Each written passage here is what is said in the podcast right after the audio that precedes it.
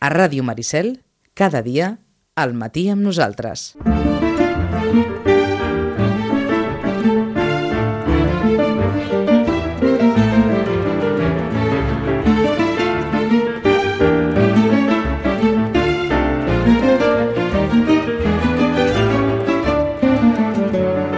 Ens havíem quedat amb els Premis Planeta amb Santiago Posteguillo, etc etc. Deuen estar al caure, com ens havia dit la Rosana, però entre la nit dels Premis Planeta, l'edició dels llibres del planeta, hi ha hagut tot un munt de novetats.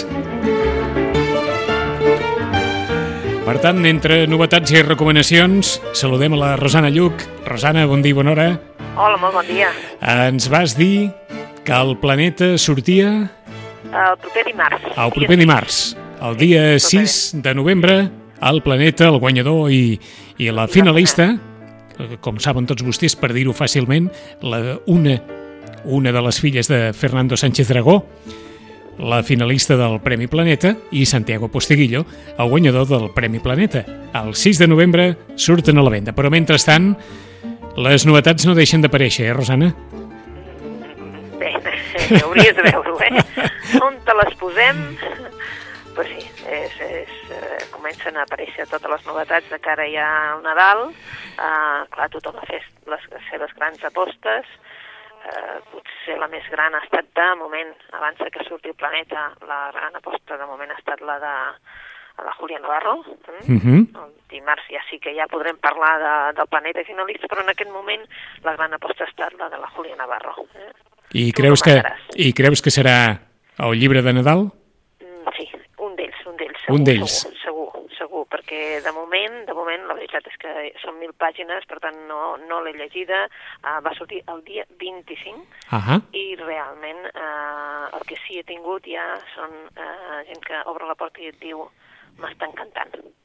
De moment ja hi ha tres persones que han vingut a donar el feedback de dir, eh, perquè els vaig dir, bueno, ja diràs si, si t'ha agradat o no t'ha agradat, perquè són realment, potser la gent estava una mica espantada darrere de l'última novel·la de, de, de la Julia Navarro, ¿vale? que era una novel·la sobre un personatge en concret, eh? i llavors mm, això no va agradar a tothom, saps? Vull dir, era, um, la gent va pensar que, que no, que la Julia Navarro és bona quan realment ens parla de sagues familiars, de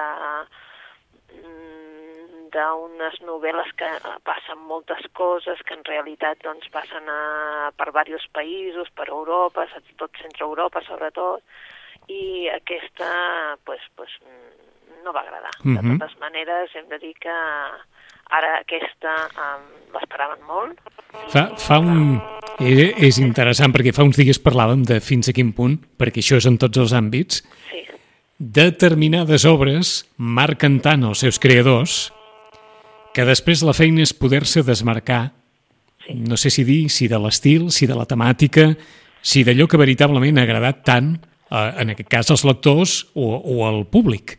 I aleshores explorar alguns altres camins o bé pot, pot ser un èxit eh, esclatant o bé és un meló per obrir que pot acabar, com ens deies tu en el darrer llibre de, de Julio Navarro, no direm que amb un fracàs, però no amb les expectatives que, que, hi, que, que podia tenir, no? El que passa que després és com aquella sensació que han tingut que no els hi ha acabat d'agradar. La història d'un canalla, perquè esclar és que era un canalla. Llavors, clar, mm, a la gent li agraden doncs, aquests personatges que passin per vicissituds i que, que faci també un repàs a tota la història del moment, etc. En, en aquell llibre no sonava això. I ara amb Tu no mataràs, eh, evidentment sí.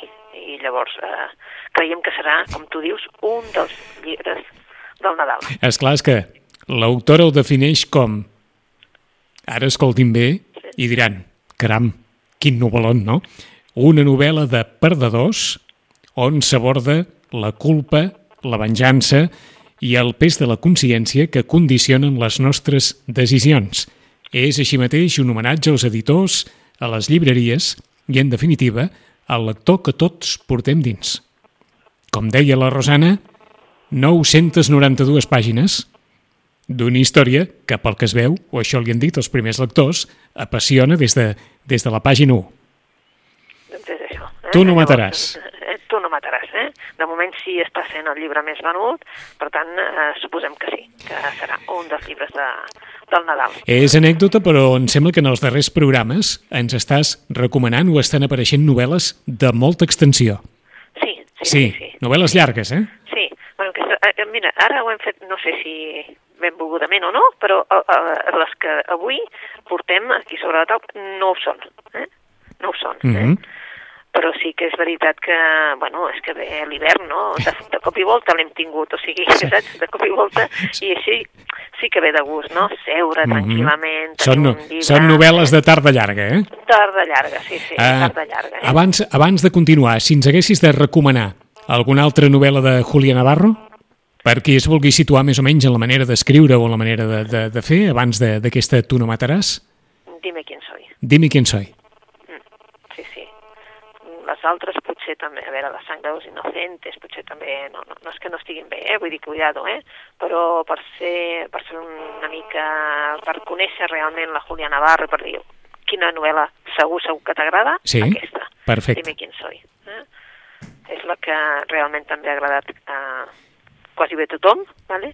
I, i la veritat és que sí, que pots conèixer quin estil té la Julia Navarro. Doncs sense que l'hagi llegida la Rosana, però amb totes les bones recomanacions que alguns lectors ja li han deixat a la porta de la llibreria, Tu no mataràs, de Julia Navarro. Vinga, per on seguim? Bueno, no sé, hauríem de començar per un, no? Hauríem de començar pel David Martí, Ah, eh? que us ha escrit un llibre Sí. que es diu El pirata de Calamorisca. Mira, el eh? tenim, el tenim per llegir-nos-el, però ens ha cridat l'atenció ja d'entrada. No sé què passa amb el Premi Néstor Luján, que l'any passat fou per una novel·la ambientada en el Cau Ferrat i en Rossinyol i en els amics de Rossinyol, etc etc, la d'en Julio Ricardo Trigo, Sí. i aquest any resulta que la novel·la tampoc ens porta massa lluny de Sitges, perquè ens porta a Cala Morisca, etc etc. no? Exacte. Pirata de sitgetà, o, ai, un pirata, un, un jove sitgetà, eh? De Mhm. moment es, després s'embarcarà en, el, en un vaixell pirata, però la veritat és que, esclar, qui és, mm, bueno, qui és la seva estimada? La Vinyet, o sigui que més bé no us ho pot posar, eh? Vull dir que estem, vull dir, amb una novel·la de corre l'any 1779 i, i clar, l'Amat Vidal doncs és un jove pescador de Sitges. Clar, uh, ja, ja veureu quan la llegiu que hi ha un secret familiar, que hi ha un casament així per deute, mm, arrel de tot això ell s'embarcarà en un vaixell pirata i la veritat és que, bé, disfrutarà de tota una sèrie d'aventures. Eh? Per tant, el pirata de Calamorisca, Premi Néstor Luján, us fa doncs, una picada d'ullet Mhm. a, a Sitges. Eh? També és cert que les novel·les d'aventures sembla que, que han fet escletxa, eh? Sí, sí, sí, eh, sí, perquè no, no, ben bé d'aventures no n'hi havia, no? Mhm. no? La gent deia, bueno, però una aventura, una aventura, doncs pues no, aventura no, hi havia intriga, hi havia, saps, policial, hi havia històrica, però així dintre que, que fos més una novel·la d'aventures com les d'abans, no n'hi havia. I Doncs aquesta, doncs, és el que tu dius, ha fet escletxa, una novel·la d'aventures com les d'abans. com les d'abans. El pirata de Cala Morisca, molts indrets, personatges que segurament els abocaran més d'un record. Eh? David Martí, Premi Néstor Luján, parlarem amb ell eh, d'aquí uns dies, ara no sé quin dia exactament, però hem de parlar amb ell d'aquí uns dies, d'aquesta novel·la que ha acabat de sortir i que ja té, diguem-ne, aquest, aquest pedigrí del Premi Néstor Luján, que l'any passat va guanyar Julio Ricardo Trigo. Per on seguim? Bueno, doncs eh, avui fa una tarda, no sé quina tarda farà, en principi la tarda que es preveu és una tarda d'allò de, de pluja, de- d'estar-se a casa, no? I després, doncs, celebrar el que hem de celebrar, eh? Vull dir, evidentment, eh, avui és dia de castanyes i de panellets, però també, eh, si a la tarda els hi ve de gust, doncs s'ha publicat el segon volum de les memòries de Sherlock Holmes, Mhm. relats, relats 2. I són tots els relats que faltaven que publicar, mm, que eh, això ho va començar amb a l'editorial Viena publicant els relats 1 i ja feia temps que ens esperàvem aquest eh, amb deliri perquè els que ens agrada el Sherlock Holmes doncs és, uh, ja, ja en sabeu, és molt clàssic, sí, però la veritat és que tu passes molt bé. Eh?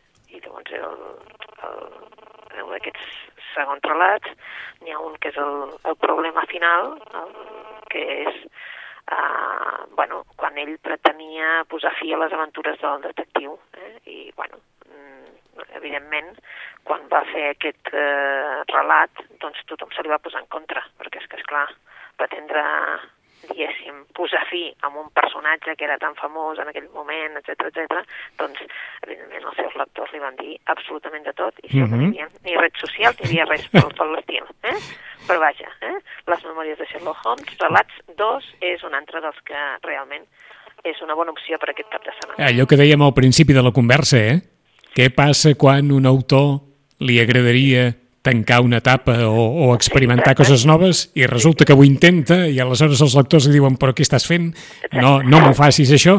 Doncs Arthur Conan Doyle li va passar això amb el problema final, amb aquesta història que pretenia posar punt i final a les aventures de Sherlock Holmes, però els lectors li van dir que, que de cap manera Que de cap manera, que ni parlar-ne, no? Diuen les notes de, prem de premsa de l'editorial que fins i tot la mare de l'escriptor, la mare de- d'Arthur Conan Doyle, li va dir que, que, que, que això no ho fes i el va obligar a ressuscitar el personatge. Històries eh, que es varen publicar a The Strand Magazine entre el desembre del 1892 i el desembre del 1893. O sigui que, amb vigència, amb vigència des del punt de vista literari, eh? amb la mateixa força que varen tenir en el seu dia, s'editen aquestes memòries, els relats 2, les memòries de, de Sherlock Holmes al Cercle de Viena, una altra de les recomanacions per aquestes tardes de, de tardor. Mm, I ara passarem a un altre llibre que diràs, bueno, i això què fa aquí al mig? Bé, és que l'he trobat tan bonic que no em puc resistir a, a dir que s'ha publicat aquest llibre. Suposo que recordes que fa uns anys es va publicar La Divina Comèdia, doncs, il·lustrada pel Miquel Barceló. Sí, Un llibre que ara, bé, que l'editorial ja no en té, que s'ha de trobar així mig-mig i que de vegades, doncs, apareix algun volum. Eh? Però ara, a Galàxia Gutenberg, la mateixa editorial, eh, ha fet una obra que també porta totes les il·lustracions de Miquel Barceló i ara només tenim la primera part en castellà, i és la Fausto. um, Fausto Doguet, eh, la veritat és que està només agafar-lo, evidentment el tamany és igual que el de la Divina Comèdia, és un tamany gran, i està, evidentment, traduït per l'Helena Cortés, però, en definitiva, el que tots anem mirant és les il·lustracions tan precioses que ens ha posat aquí dintre el Miquel Barceló. I també us hem de dir que el text també està en alemany i castellà. Per tant, qui és a dir, que, allò- que és la versió amb els dos idiomes, eh? és la versió amb els dos idiomes, tal com la fem amb, amb la Divina Comèdia. De moment tenim aquesta primera part. Um, Només a passar el paper ja mm, quedes enamorat de, de l'olor del paper i bé, i de tota la il·lustració mm, del Miquel Barceló. Ens estàs dient que això és un llibre de regal, eh? Sí, sí, sí, és un llibre de regal. És un regal que, que t'has de fer o que pots fer amb un altre, però en definitiva, saps allò que jo, jo pensava més en fer-me que no, saps? Que en fer-lo, perquè és un llibre preciós que només és que una cosa és disfrutar de l'obra, que a veure, els Fausto doncs reconec que és una obra que molts ja han, ja han llegit, etc i per tant potser dius, bueno, a mi que la posin en alemany, algú dirà, bueno, si, si no en sé, vull dir, què més em dona? Bueno, té un, una cosa afegida, això de que estigui en alemany i en castellà té una cosa afegida, però a part és la il·lustració tan preciosa que ha fet el, el Miquel Barceló en aquest llibre. No acostumen a sovintejar, eh, els llibres, diguem-ne, o aquestes edicions en què els il·lustradors prenen prenen un protagonisme o les, o les novel·les acompanyades de- d'il·lustració i en canvi és un, és un gènere que, que pot agradar fins i tot els que no s'hi han acostat mai a aquesta novel·la, no? Exacte, sí. El que passa que normalment, bueno, Nòrdica, saps, te'n recordes que alguna vegada hem parlat de que Nòrdica fa aquells llibres més petitets, Sí. i llavors que Mhm. els il·lustra i tot això. Clar, ara estem parlant d'un llibre de, de tamany gran, i aquest sí que és el que tu dius, eh? Ara costa molt que es facin llibres de tamany gran i que sigui una aposta com aquesta de fer el Fausto amb les il·lustracions del Miquel Bar- Barceló. Clar, eh, ara tenim el primer volum, ara vol dir que ens haurem d'esperar si volem el segon volum, pues, mm, bastant. Però bé, és allò, depèn de tu, d'un llibre regal. Tal com tu has dit, és un llibre regal, un llibre per anar-lo tastant de miqueta en miqueta i, i després, doncs, allò, pots fer allò, les dues lectures, una de les imatges i una altra de la lectura i lectura amb imatges. És una cosa que saps que dius, bueno, és preciós, és un llibre Ahà. preciós i per això no, no, no podia deixar de dir-vos, ei, uh, feu-li una ullada. Si entreu a una llibreria, feu-li una ullada perquè és que és preciós. Eh, ens ho has posat d'una manera... Eh, el preu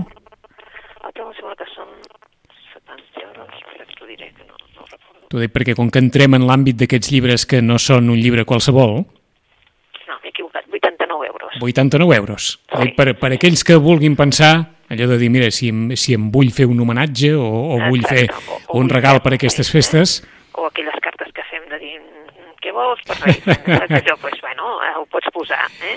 Vull dir, són, són llibres, de, evidentment, de, tal, com tu deies, eh? Reconec que són llibres de regal, tu et gastes pues, eh, 19, 20 euros per una novel·la, Mhm. 89 costa més. però, perquè, però veus, em, em cridava l'atenció perquè ara aquests dies ell també ha estat eh, protagonista perquè està decorant la sala oval del Museu Nacional d'Art de Catalunya. Se n'ha fet un reportatge per TV3 o com a mínim una notícia no Telenotícies amb Perico Pastor, Sí, del qual molts encara recorden aquesta Bíblia il·lustrada amb unes il·lustracions sensacionals que encara, que encara està disponible i, i Perico Pastor en el seu dia també va ser, vaja, allò l'encarregat d'il·lustrar un, un d'aquells llibres que no és gens fàcil d'il·lustrar i que té una llarga tradició en el món de, de la il·lustració i de, i de la imatgeria i se'n van sortir no bé, no.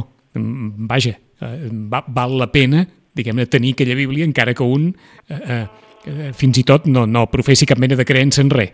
Doncs en el cas de Miquel Barceló ens sembla que, que s'ha seguit el mateix camí, eh? exacte. Sí, sí, és, i, i és això, no?, que, bueno, et queda aquesta obra que dius, bueno, mm, no sé, saps allò, és tenir, és tenir el Barceló a casa, Sí, també, sí. eh? D'alguna manera és tenir el Barceló a Ah casa. doncs, si a algú li interessa aquesta, aquesta edició, la primera part de Faust de Goethe, amb les il·lustracions de Miquel Barceló. Miquel Barceló, que com ens deia la Rosana, ja havia il·lustrat la, la Divina Comèdia, doncs a Galàxia Gutenberg, la primera part, en aquest cas en castellà, de Faust de Goethe, tamany gran, tamany de regal i preu també per, per regalar-se. Per Però, però és també una, una molt bona proposta. Vinga, Vinga, una altra, una novel·leta també curta, saps allò que dèiem, bueno, ara són novel·lones, bueno, ara també són curtetes. Aquesta, si la, el Pirata de Calamorisca és un, una novel·la, ja ho has vist tu, que el tens, eh, que és curtet, Sí. diguéssim. eh, doncs més o menys del mateix tamany, ens publiquen de 200 pàgines, però sí més curtetes del tamany, eh, que no són ben bé el, el format del llibre normal, que són una mica més curtets, doncs ens publiquen en columna també eh, el Sebastià Benàsser, amb Hotel Metropol. Bé, és una història de, de bueno, eh, que, que ens parla d'un personatge, el, el Manuel Cervera, que és un escriptor mallorquí, que resulta que perd un avió i s'ha de quedar a l'Hotel Metropol. Estem parlant de l'any 89. I coneixerà una dona, la Catherine Furst. Eh? Uh, fa molts anys en, abans que aquesta dona uh, va aconseguir embarcar-se cap als Estats Units i l'únic que portava era memoritzada una llista d'espies nazis que, evidentment, eren molt importants pels aliats. Uh, bé, aquí, al conèixer aquesta dona, també el, el que farà el, el Manuel Cervera és descobrir tot un món desconegut eh, el que, que aquest hotel del centre de Lisboa doncs eh, hi van passar absolutament moltes coses. Eh? Mhm. es, es converteix en un cau d'espies, eh, d'aliats, dels jueus que esperaven poder embarcar-se i fugir d'Europa i, clar, eh, Portugal era neutre durant, vol, vol quedar-se neutre durant la Segona Guerra Mundial i la senyoreta Furs, evidentment, eh, és una persona molt buscada. Eh, bueno, ens porta Sebastià Benassa aconsegueix portar-nos, arrastrar-nos fins a Lisboa, arrastrar-nos cap a un, un lloc mític de, de, del Metropol i en definitiva el que ens fa és un, un retrat de tot el que estava passant i el paper de tots plegats, sobretot el paper de la FIA. Ah si a algú li sona el cognom, mm, segurament no s'equivoca. És un dels habituals col·laboradors de VilaWeb, en Sebastià Benàsser, i aquest és la darrera obra. N'ha- tingut d'altres, eh? però eh, té un, té un currículum, en aquest cas, eh, prou ampli, però segurament qui, qui més qui menys el pot conèixer perquè és un dels habituals col·laboradors de, de VilaWeb. De Sebastià Benàsser, aquesta història eh, d'espies ambientada a l'hotel Metropol de Portugal. No busquin hotel Metropol així eh, eh, a Google directament perquè els hi sortirà un hotel de Lloret de Mar Allò, repetit diverses vegades, eh? Això és Hotel Metropole. Metropole. I trobarà la novel·la eh, ben fàcilment. Editada per Columna. Exacte. Vinga, que estem amb moltes històries d'espies avui també. Eh? Sí, sí. bueno, potser que saltem d'una que es m'ha d'explicar, saltem a una que ens porta més que espies a una novel·la policiaca del Ricardo Alia. El Ricardo Alia el coneixíem per una trilogia sobre el País Basc, recordes que hi havia aquestes trilogies, aquesta és una trilogia que va escriure sobre el País Basc que es deia la trilogia del Zodíaco. Mm que era, hi havia un, un any i llavors hi era un signe, el signe del, el signe del dragón, el vuelo de la serpiente i el salto del caballo. I allà ens presentava doncs, dos personatges, eh? un policia i una, i una, i una, també una subcomissària. Ara el Ricardo Alias se'n va i ens porta una novel·la completament diferent. Una novel·la en la que, si t'agraden els escacs, mmm, la trobaràs eh, doncs que hi disfrutaràs. Per què? Perquè es diu El peón envenenado i ells han posat una faixa d'aquelles que diu un moviment en falso te dejarà en jaque. Eh? Bé, en definitiva és una partida, una partida d'escacs i on ha començat? Pues, eh, doncs bé, ha començat, eh, hi ha un personatge que és l'Arturo Muñoz, vale? que en definitiva la història va a tres, eh, en tres èpoques, diguéssim, l'any 37, l'any 75 i l'any 2003. Uh, l'any 75 és quan l'Arturo, diguéssim, és, és, és un, un nano, eh? a un poble d'Extremadura, i el que fa és que molt aviat descobreixen que la seva passió és l'escac, i serà molt bo jugant escacs l'any 2003 el que es trobem és que l'Arturo Muñoz s'enfrenta amb aquest eh, desafiament de que un, un assassí apodat Castor el reta amb una partida a, a Londres. Cada, pas, cada peça capturada mm. implica la mort de gent que no, que no hi ho saben. Eh?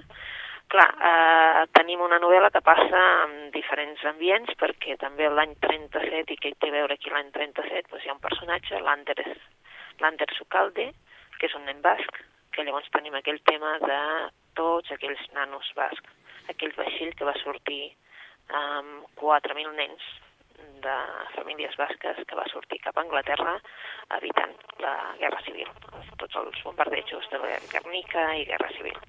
Clar, um, aquí el Ricardo Alia el que ens vol fer és un, bueno, mostrar-nos diferents uh, parts de, en, en les diferents parts de la novel·la, des de des d'aquest fet d'haver de sortir els nens del País Basc perquè, doncs, evidentment no hi havia ni per menjar ni per res um, i surten, uh, diguéssim, tot un vaixell de nanos sense pares, mm? I eh, de com va afectar això a la Guerra Civil, sobretot al País Basc, sobretot a Guernica, i segona, doncs clar, què passa amb aquest assassí, qui mm -hmm. és i per què el reta amb una partida d'escacs. Cal assenyalar que aquest és un llibre interessant de bon, de bon principi en el, en el web de l'editorial, es pot descarregar el primer capítol, però l'autor fa una, fa una prèvia amb un diagrama d'un tauler d'escacs i diu obertament que, com no podia ser d'una altra manera, en les següents pàgines el lector es trobarà amb una novel·la, no amb un llibre d'escacs. Diu que és cert que hi ha una partida d'escacs que funciona com a element conductor de la trama de la novel·la, perquè la novel·la comença, el primer capítol s'intitula Apertura. Per tant, estem com si estéssim en una, en una partida d'escacs. I per facilitar el seguiment, he inclòs, en la prèvia del llibre, diagrames amb la posició en curs de les de les fitxes, de, de les cacs, de les, de les peces de les cacs al llarg de, de la novel·la. Malgrat tot, ell mateix diu no és imprescindible saber jugar als escacs ni tan sols conèixer les regles per llegir i gaudir de la novel·la. Estem parlant de literatura, de paraules i sentiments, no de peces i jugades. Mm? Però aquesta prèvia de l'autor acaba amb una frase lapidària. El reloj ja està en marxa, la partida empezada, al otro lado del tablero un asesino espera rival. Queda clar. Sí, veus que també. Eh? Ens, ens sembla que, que és una lectura potent, eh? Sí. Potent, allò atractiva, magnètica, d'aquelles... Sí, eh? sí.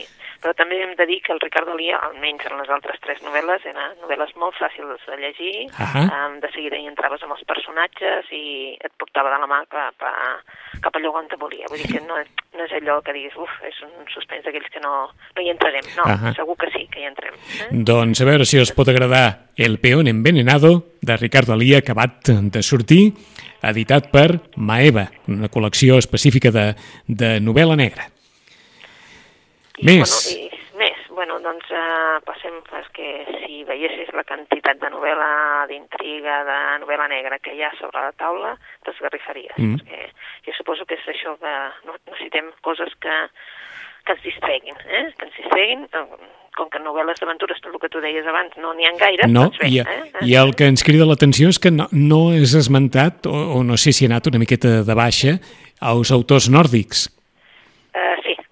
Una miqueta de baixa. Una miqueta. O, o els d'aquí o els d'aquí han pres protagonisme, que també podria ser. Eh, Sí, saps? Vull dir, potser prenen protagonisme els d'aquí, que ja veus, vull dir que la, primer aquest Ricardo Alía, per Sí. exemple, la Redondo, la Eva Maria García Sáenz d'Urturi, vull dir, cada vegada en tenim més. La Carmen Mola, que és una sorpresa que ens va sortir aquest estiu, que no sabem qui és, vull dir, perquè sabem que és un pseudònim, però cada vegada van sortint més i la veritat que ja està bé perquè teníem tota una sèrie de gent fa molts anys quan la novel·la policíaca no, era, no estava de moda, no? que el Juan Madrid, l'Andreu Martín, no és igual, que Montalbán, molta gent tenia, feia novel·la policíaca quan no estava de moda. Mm. Bé, doncs ara tornen a sortir autors d'aquí.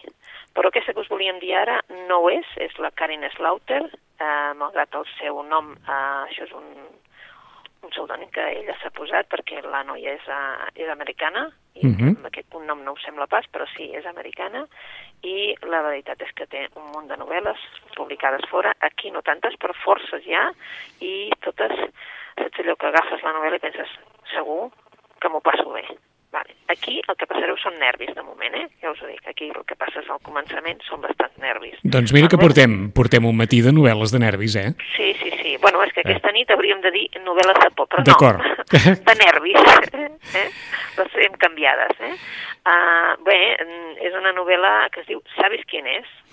Bé, Sabes quién és ens parla d'una noia, eh, de, de fet una família, uh, l'Andrea. L'Andrea és una noia que ja ara ja té 30, eh, 31 anys, vull dir, és el seu aniversari, estan en un restaurant, en un restaurant d'aquests de centre comercial, amb la seva mare, la Laura. La Laura és una senyora que ha patit un càncer, és una senyora que és, eh, que em sembla que és psicòloga, eh, saps allò? Bueno, han tingut una vida molt tranquil·la, la Laura sempre ha tingut aquesta, un, un estat tranquil, té un exmarit que ha fet de pare de l'Andrea, que ell li diu pare, vale? que és el Gordon, que és un advocat que no viu amb ells, però que realment està al tanto de l'Andrea, evidentment, però l'Andrea s'ha hagut de fer càrrec durant aquests últims anys de sa mare, de la Laura, perquè aquest càncer doncs, ha sigut molt dur de passar, Mhm. i ara ja doncs, sembla que tot eh, està bé, i doncs ha hagut d'agafar una feina que no ella volia estudiar, estava a Nova York, eh, ara està en una empresa que diguéssim que pertany a la policia, porta, això porta el, sempre el mono de que, això que representa que pertany a la policia, i estan en aquell restaurant eh, dinant, celebrant l'aniversari de l'Andrea, quan eh, veuen amb una... La Laura reconeix amb una pacient, se, se li acosta amb la seva filla, estan parlant, i mentre estan parlant entra un encaputxat i mata a la, a la coneixença de la Laura, a la filla, a, i comença a disparar com un boig. Um, a partir d'aquest moment mm, hi haurà un esdeveniment horrorós allà enmig, eh? que la Laura serà la protagonista i eh, es posarà en dubte de si ella realment doncs, eh, volia o no volia matar aquesta persona. Mm. Uh, les coses aniran cada vegada pitjor. Mm? L'Andrea haurà de fugir de, de casa, fugir realment, uh, i el que passa és que no entens, no entén absolutament res, no entén qui és realment sa mare, què passa, què li està dient, li dona una, una, un, un encàrrec precís, de, ha de marxar d'allà, ha d'anar a tal lloc, ha d'anar... I llavors ella sí que es pensava que tenia una mare i resulta que alguna ha passat perquè no era, ella no sabia res absolutament de sa mare, se n'adona, després de viure sempre amb ella, després mm, només uns anys que no havia viscut, i ara, eh, després d'una vida tan pacífica, resulta que aquí hi havia alguna cosa. Llavors, per això, aquesta filla que es pregunta, mm -hmm. li Mhm. pregunta a ella, ¿sabes quién es? És a dir, és la Laura. que la mare havia amagat d'alguna manera la seva identitat durant molts anys? Sí, Sí. Eh, mare havia d'amagar la seva identitat i, i, i, a més a més, vull dir, una identitat mm, no de mestressa de casa, eh? No, no, diguem-ne que no, no, no massa edificant, vaja. No, i llavors, clar, vull dir, eh, tot, tot es dispara, perquè, és clar, eh, ella ha de marxar, no pot contactar amb ningú, no pot contactar amb el seu pare, el seu pare l'està esperant a casa, vull dir, saps allò, una sèrie de... la policia està entrant i acaba a la casa, i llavors tot, tot es desarma, i sobretot eh, l'Andrea potser no està preparada per tot aquest desori de, de, de fugides, de, de no, no trucar a ningú, de, de construir-se una personalitat nova, una vida nova, etc etc. Sabes quin és? És una novel·la, doncs això, per seure i passar nervis. I tenim temps per una novel·la més, Rosana. Doncs vinga, anem sent amb una, per no passar amb una altra policia, que anem sent amb una que acaba de publicar a uh, Duomo, en la seva col·lecció mm, de mm, ara ho diré malament, Nefelibata, eh? i és una, una novel·la que en definitiva eh, es diu Lo que fuimos. El subtítol és una novel·la sobre l'amor, la culpa i el anhelo d'un futur mejor. Bé, mm, Nahid és una dona que li acaben de dir els metges que, que, que en té per poc. Eh? Eh, ella, de fet, és una supervivent, eh? però l'idea de, que, de que això s'acabi també, evidentment, doncs, no li fa cap gràcia. Eh? Um, va lluitar la revolució, no sabia quin preu en pagaria, va fugir, fugir estem parlant d'Iran, i va treballar per construir-se doncs, un, un, una nova identitat en un nou país, un nou, un, diguéssim, de construir la seva família, no? però clar, ha estat en un lloc que no era el seu, vull dir que eh, li ha costat això, però el que volia és que la seva filla doncs, tingués un futur. Ara eh, ha de sobreviure, ha d'intentar sobreviure a la malaltia perquè, és clar, eh, si no, eh, se li acaba tot. Eh? Eh, lo que fuimos és una novel·la doncs, d'això, de supervivència, una reflexió sobre el vincle entre mare i filla, una reflexió de, de la lluita, no? de per què lluitem, si lluitem pels que estimem o lluitem per nosaltres mateixos, i en definitiva és d'aquelles novel·les que, que t'atrapen, però que ja veieu que és més sensible i més sentimental. Mm -hmm. No en devem saber, mm, no sé si dir, massa cosa de l'autor. No. No, eh? No, no, no, no, en absolut, eh? Vull dir, en absolut. Uh, la veritat és que Goldsnath Hashem Hade Bonde ni idea. Vull dir que jo he intentat buscar si teníem alguna cosa més i sí. no, és una autora d'Iran, eh? que evidentment va fugir d'Iran eh? i és una noia que, clar, que viu a, a Suècia i, i la veritat és que és una... És, va fundar una, una organització sense ànim de lucre eh? dedicada a lluitar contra la marginació a la societat. Eh? Mm -hmm. Però, clar, és... Eh, diu que en, en anglès ha publicat una altra novel·la, ens va passar l'editora que havia publicat una altra novel·la en anglès, però que en definitiva havien escollit aquesta perquè els semblava que, que era una novel·la preciosa. Eh? Ho, ho, pre eh? ho pregunto perquè és una absoluta desconeguda, eh? Des, de, des del punt de vista d'allò, de, de, de les persones que habitualment esteu envoltades de llibres, sí, sí, eh, desconeguda. Mm? I, I és curiós perquè ens arriba poqueta gent d'Iran, ens arriba molt poqueta gent d'Iran. Evidentment són gent que, que, que ha pogut sortir d'Iran, eh? però la majoria són gent que ha pogut sortir d'Iran, si no, no tindríem gaires novel·les seves. Però sí que és veritat que ens volen parlar del seu país, d'Iran. Uh -huh. Bé, doncs la novel·la comença en contundència, eh? Sí. En, amb una contundència en qui eh, segurament, potser, més d'un i més d'una es pugui sentir identificat, que és aquell moment en què algú li diuen, perquè les circumstàncies de salut ho han portat cap a aquest camí, que li queden tants mesos de vida. Doncs la novel·la comença amb, amb aquesta escena, al consultori de, de la metgessa i la reacció no bona de qui s'escolta això. Le quedan como mucho seis meses de vida, me dice la bruja asquerosa. Així comença la novel·la. Eh? I, de, I després, doncs, òbviament, tot el que suposa, tot el trasbals personal eh, que suposa. La novel·la és Lo que fuimos de Goldna Hashemzade. Hem acabat amb aquesta recomanació, però avui n'hem tingut moltes, moltes, moltíssimes. La, vaja, l'estrella d'aquesta tardor és Fins que no surtin els Planeta, que surten el dimarts que ve, Julia Navarro i el seu Tu no mataràs, una història que segons sembla, els que l'han començat a llegir, perquè la novel·la és llarga, els està agradant d'allò més. Pels sitgetans, i gairebé diríem especialment pels sitgetans de David Martí, Premi Néstor Luján de novel·la històrica, El pirata de Cala Morisca, història d'un jove sitgetà d'Amat Vidal, ens estem situant a finals del segle XVIII, i una aventura personal, una novel·la d'aventures. Parlarem amb ell d'aquí uns dies. A qui els agradin les històries Bé, les històries clàssiques però que mai no passen de moda, eh, s'ha editat el volum de relats 2 de les memòries de Sherlock Holmes, els diferents relats sobre Sherlock Holmes que va publicar Arthur Conan Doyle en un diari anglès i entre ells el relat amb el qual l'escriptor volia acabar amb el personatge i els lectors hi van dir què fas, què fas?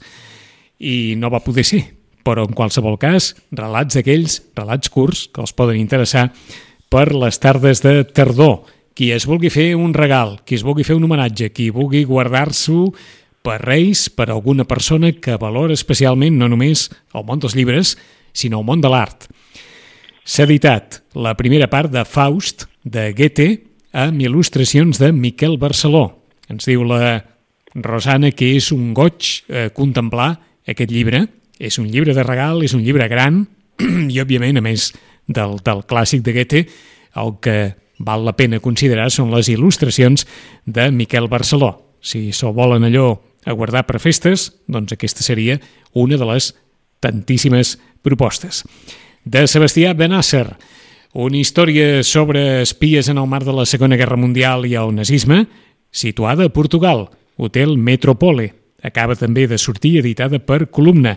De Ricardo Alia, una història de suspens, de suspens potent, de l'autor de la trilogia del Zodíaco, ens arriba El peón envenenado, una partida d'escacs en què, en què les derrotes suposen també la mort de persones que no saben que moriran. És un pseudònim, però la novel·la és molt potent. Una autora que ja s'ha fet eh, prou popular arran de les seves novel·les. És Karen Slaughter i la novel·la és Sabes quién és? arran d'un fet eh, traumàtic, com és, com és una sala en un, en un centre comercial, en un restaurant d'un centre comercial, una filla acabarà sabent qui s'amaga veritablement darrere la imatge de la seva mare. O diguem-ne que durant molts anys la mare ha amagat la seva identitat durant 30 anys aproximadament a la seva filla, una Laura davant d'una Laura. I finalment, com els comentàvem fa un momentet, Lo que fuimos, la novel·la de Goldna Hashimzade, que és també una altra de les recomanacions que ens ha deixat la Rosana. En 15 dies, com no, tornarem amb més novetats, ens acostarem cada vegada més al Nadal i per tant valdrà la pena també repassar tot allò que arriba o que més o menys la Rosana es veu capaç de comentar-nos quan les taules de la llibreria estan plenes de gom a gom. Rosana, gràcies, bona lectura. Bona lectura per